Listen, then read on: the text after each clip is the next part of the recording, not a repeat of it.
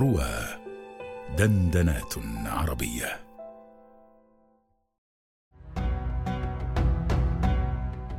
آيات وأبيات مع الأستاذ أبي قيس محمد رشيد على رواه.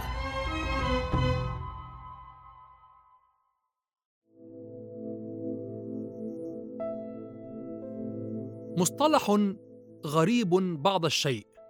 ربما لا يعرفه غير المشتغلين بعلوم التفسير وعلوم البيان. مصطلح الاحتباك. الاحتباك نوع خاص من أنواع الإيجاز وتطبيق من تطبيقاته لأن الاحتباك هو أن تحذف من الكلامين لأن في كل من الطرفين ما يدل على المحذوف من الآخر. حتى أوضح ذلك. دعني في هذه الحلقة أخي المشاهد أبدأ في هذا من كتاب الله تعالى. يقول الله تعالى قد كان لكم آية في فئتين التقتا. فئة تقاتل في سبيل الله وأخرى كافرة. فئة تقاتل في سبيل الله وأخرى كافرة. حينما ننظر إلى الطرفين نرى بينهما احتباك لأن أصل الكلام فئة مؤمنة تقاتل في سبيل الله وأخرى كافرة تقاتل في سبيل الشيطان. ولكن حذف من كل طرف من الكلامين ما يدل الآخر أو الطرف الآخر عليه. فقال الله تعالى فئة تقاتل في سبيل الله. فعلمت أنت أن الفئة الأخرى تقاتل في سبيل الشيطان.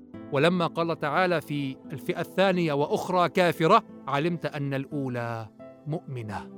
فتمم بعض الكلام بعضا واحتبك الكلام في بعضه. فئة تقاتل في سبيل الله وأخرى كافرة. صار ذلك اختصارا لقولنا فئة مؤمنة تقاتل في سبيل الله وأخرى كافرة تقاتل في سبيل الشيطان.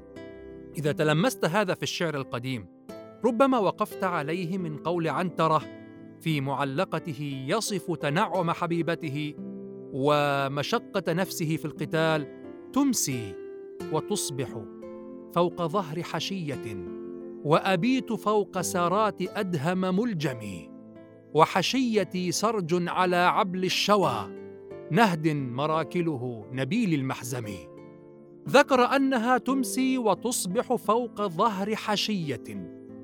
ثم ذكر أنه هو يبيت فوق سرات أدهم ملجم ولكن فهمت من الكلام الأول أنه أيضا يمسي ويصبح وليس يبيت فقط. ولما قال فوق ظهر حشية فهمت أنها فراش وطيء وليست اي حشية. يمكن أن تكون حشية ولا تكون وطيئة تكون لفقير أو من من هو في شظف من العيش. لكن لما ذكر أنه هو يقول وحشيتي سرج على عبل الشوى على الحصان. علمت أن حشيتها هي حشية منعمة فاختصر ذلك كثيرا من الكلام وكان كل من القرآن والشعر من اللسان العربي المبين.